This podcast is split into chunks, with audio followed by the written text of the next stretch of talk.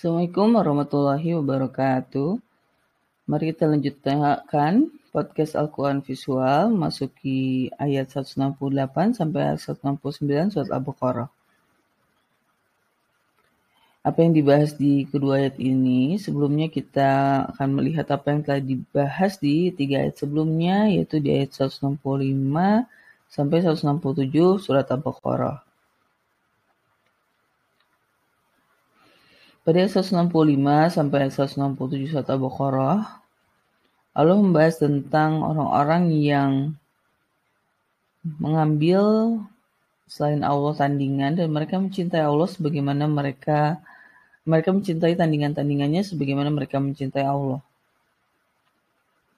Dan Allah menyatakan kalau saja orang-orang zalim itu nanti melihat azab, mereka akan menyadari bahwa kekuatan itu milik Allah semuanya dan azabnya sangat sangat keras. Lalu di ayat 166-nya Allah juga menyatakan bahwa akan ketika melihat azab tuh orang-orang akan melepaskan diri dari orang-orang yang mengikuti mereka, terputuslah sebab akibat di antara mereka. Lalu di ayat 167-nya Allah menyatakan bahwa Orang-orang yang mengikuti mereka menyadari keadaan itu lalu sangat ingin kembali ke dunia untuk melepaskan diri dari orang-orang yang mereka ikuti. Karena ternyata orang-orang yang mereka ikuti itu adalah orang-orang yang salah dan tidak mau bertanggung jawab dengan uh, apa yang telah mereka lakukan. Itulah orang-orang yang Allah perlihatkan penyesalan amalan mereka dan tidak akan mereka keluar dari api neraka.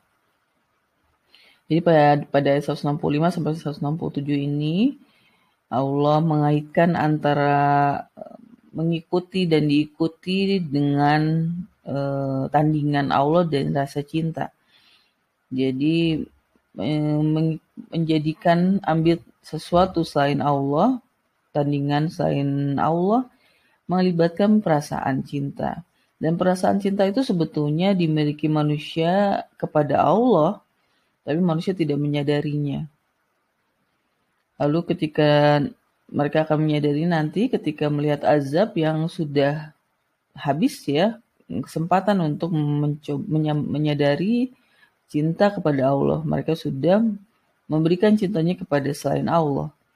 Padahal ya tidak ada yang bisa menyelamatkan mereka karena ketika melihat azab, orang-orang yang mereka ikuti akan berlepas diri dari orang-orang yang mengikuti.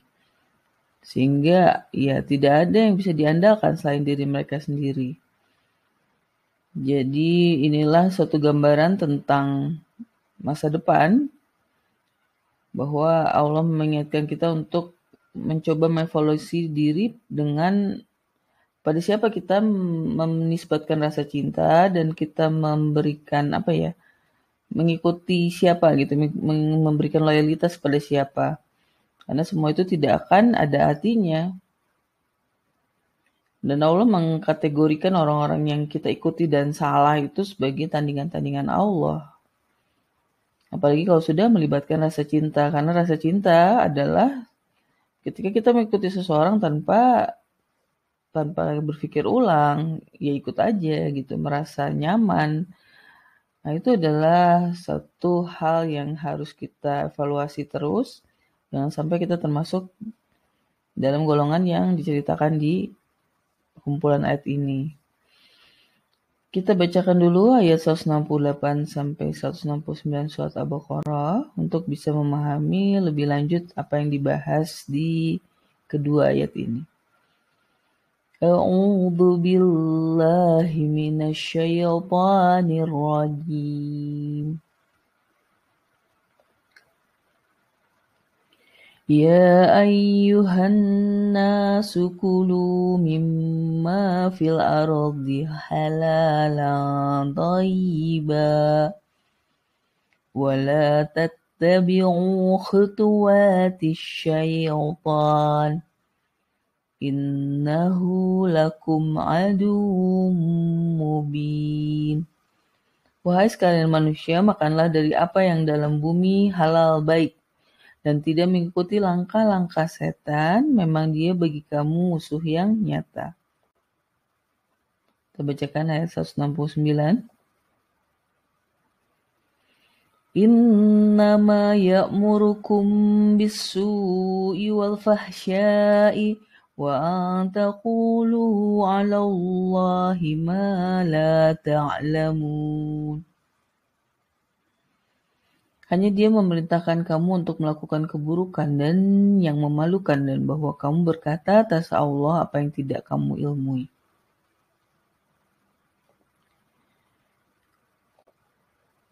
Kita lihat frasa dan kata yang pernah muncul sebelumnya. Frasa pertama adalah Ya ayyuhan nas. Frasa ini merupakan frasa kedua Sebelumnya terdapat di ayat 21 surat Al-Baqarah merujuk kepada seruan untuk mengabdi kepada Allah yang menciptakan manusia. Jadi kalau kita kilas balik gitu ya, melihat ke belakang bahwa yang pertama kali Allah seru kepada manusia adalah mengabdi kepada Allah. Dan ternyata seruan keduanya adalah untuk memakan makanan yang halal dan baik. Jadi sedang walaupun diseling, sudah diselingi dengan seruan Allah kepada orang-orang beriman ya, Nah, ternyata bisa kita simpulkan bahwa manusia sendiri mempunyai proses yang lebih panjang daripada orang-orang beriman. Nah, ini harus menjadikan catatan bagi kita untuk bisa lebih um, bersabar terhadap kebanyakan manusia gitu karena Allah pun tidak serta merta langsung menyuruh manusia untuk melakukan A, B, C gitu ya. Seruan-seruannya masih dalam seruan tahap yang sederhana Walaupun ya kita juga baru sadar gitu bahwa ternyata seruan untuk memakan makanan yang halal itu bukan hanya untuk suruh untuk manusia saja, untuk orang-orang beriman saja, tapi ternyata untuk seluruh manusia. Kata kulu atau makan, manusia memang diperintahkan untuk makan gitu ya, karena ini juga menjadi catatan bahwa ya jika manusia tidak diperintahkan untuk makan ya manusia bisa saja memilih untuk tidak makan gitu kan. Tapi ternyata memang manusia diperintahkan untuk makan. Ketika di surga Adam diperintahkan untuk memakan apa saja di mana pun di bumi manusia diperintahkan untuk memakan yang halal dan baik kata halal baru muncul di ayat ini ternyata yang diperintahkan memakan ma makanan halal adalah semua manusia ini menjadi menarik karena kita jadi menyadari bahwa walaupun manusia itu memilih tidak beriman, tetap ada hal-hal yang dibebankan kepada mereka, termasuk mengabdi kepada Allah ya. Jadi bukan berarti orang-orang yang manusia-manusia umum itu tidak punya beban, tidak punya tanggung jawab gitu. Termasuk dalam urusan makanan. Kata selanjutnya adalah toyib, toyiban adalah bentukan lain. Kata ini dalam bentukan lain terdapat di ayat 58 surat Al-Baqarah merujuk kepada mana dan salwa. Jadi salah satu makanan yang baik adalah mana dan salwa. Untuk bisa memahami hal seperti ini ya kita harus mempelajari lebih lanjut penggunaan kata ini. Tapi kita bisa membayangkan ya bahwa makanan-makanan di ya di di bumi ini tidak selalu uh, makanan tuh selalu baik ya. Walaupun bisa dimakan tapi tidak selalu baik tentunya. Ada yang uh, sudah karena busuk gitu ya atau karena ya karena banyak hal gitu. Kebaikan itu suatu hal yang umum tentunya. Lalu tatabi'u kata ini adalah mengikuti sebelumnya kita bahas merujuk pada hal yang benar maupun yang salah seperti petunjuk gitu ya dan seperti yang salah seperti uh, ilmu sihir gitu. Nah, di sini dikaitkan dengan kata setan.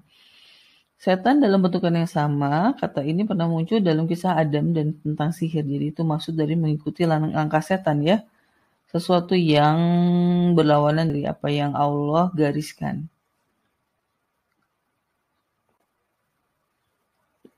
Lalu kata selanjutnya adalah adun. Kata ini merujuk kepada manusia menjadi musuh bagi manusia lain dan Jibril. Sebelumnya telah muncul ya. Sedangkan pada ayat ini dikaitkan dengan setan. Jadi eh, apakah berarti manusia itu tidak bisa memusuhi manusia lain? Nah ini jadi masih menjadi perdebatan gitu. Apakah manusia itu musuhnya memang hanya setan gitu. Jadi ketika berkaitan dengan manusia lain sebetulnya tidak bermusuhan dengan manusia lain, mereka bermusuhannya dengan setannya gitu ya.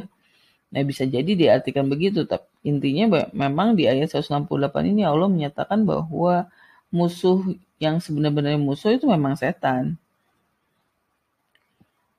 Bagi seluruh manusia ya.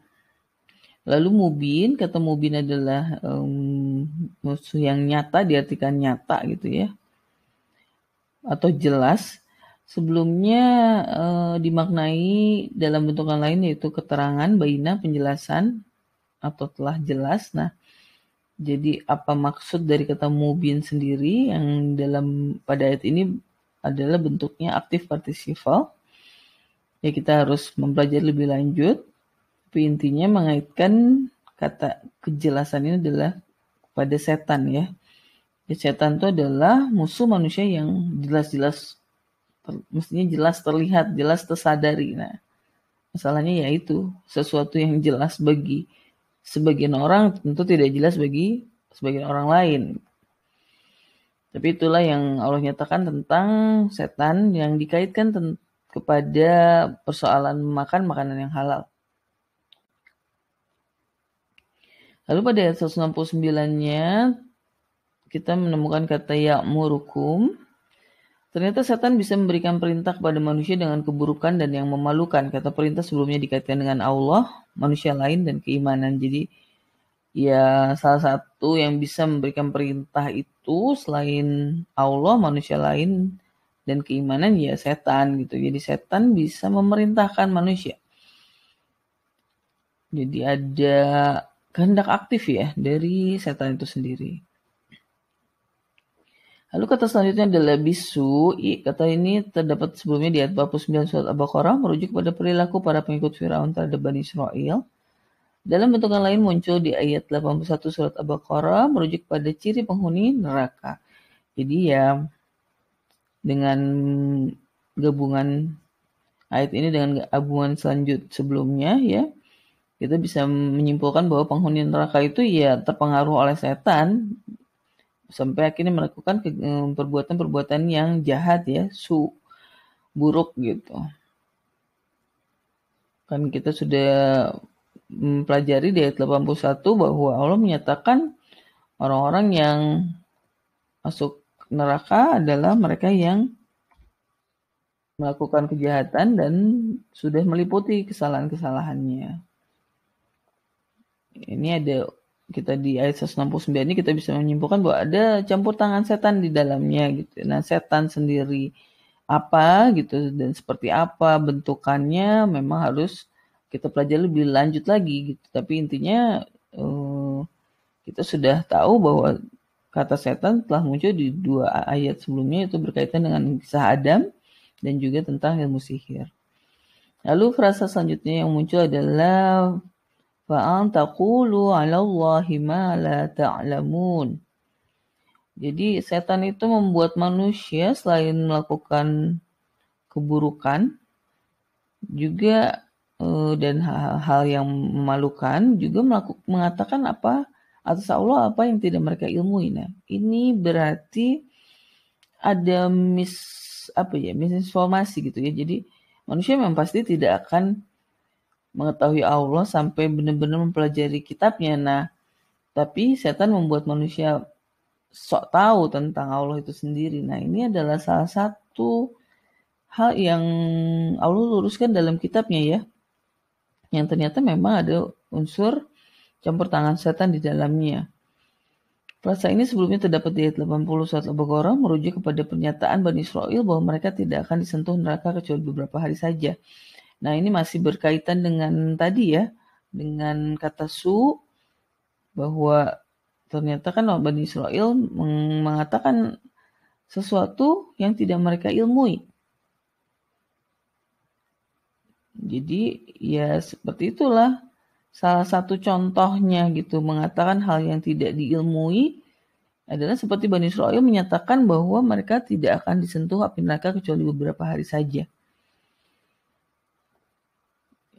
Nah, kalau dikaitkan dengan ayat 168-nya bahwa oh ternyata perilaku ini ada hubungannya dengan makanan yang halal dan baik. Kesimpulannya adalah ternyata yang diperintahkan untuk memakan makanan halal bukan hanya orang-orang beriman, melainkan seluruh manusia, seperti perintah Allah untuk mengabdi dan yang berlaku pada semua manusia. Makanan yang halal adalah energi manusia untuk tidak mengikuti langkah-langkah setan karena musuh yang nyata bagi manusia adalah setan. Fungsi utama dari setan adalah memerintahkan manusia untuk melakukan kejahatan dan hal yang memalukan dan manusia berkata atas Allah yang tidak mereka ilmui. Jadi hmm, kalau kita telusuri logikanya apakah memang orang-orang yang walaupun belum beriman tapi mereka menjaga diri dari makanan yang eh, tidak halal dan tidak baik, apakah itu akan membuat mereka terlindungi dari mengikuti eh, langkah-langkah setan? Bisa jadi kesimpulan alur logikanya seperti itu ya, bahwa ternyata makanan yang halal dan baik itu eh, lebih punya potensi untuk membuat kita menjadi orang-orang yang beriman. Ini yang harus kita camkan. Jadi ada um, ada apa ya? Ada kaitannya dengan apa yang kita lakukan sehari-hari dengan kegiatan kemanusiaan kita yang sebetulnya sangat esensial yaitu makan.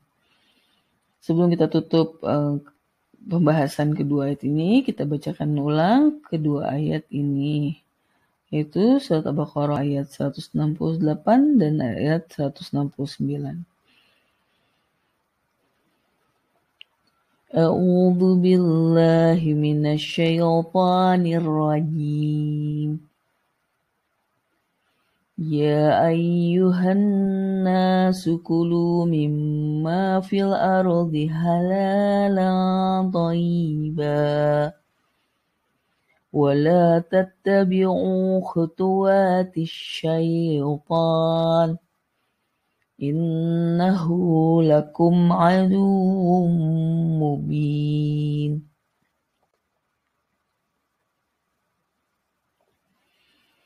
إنما يأمركم بالسوء والفحشاء وأن تقولوا على الله ما لا تعلمون.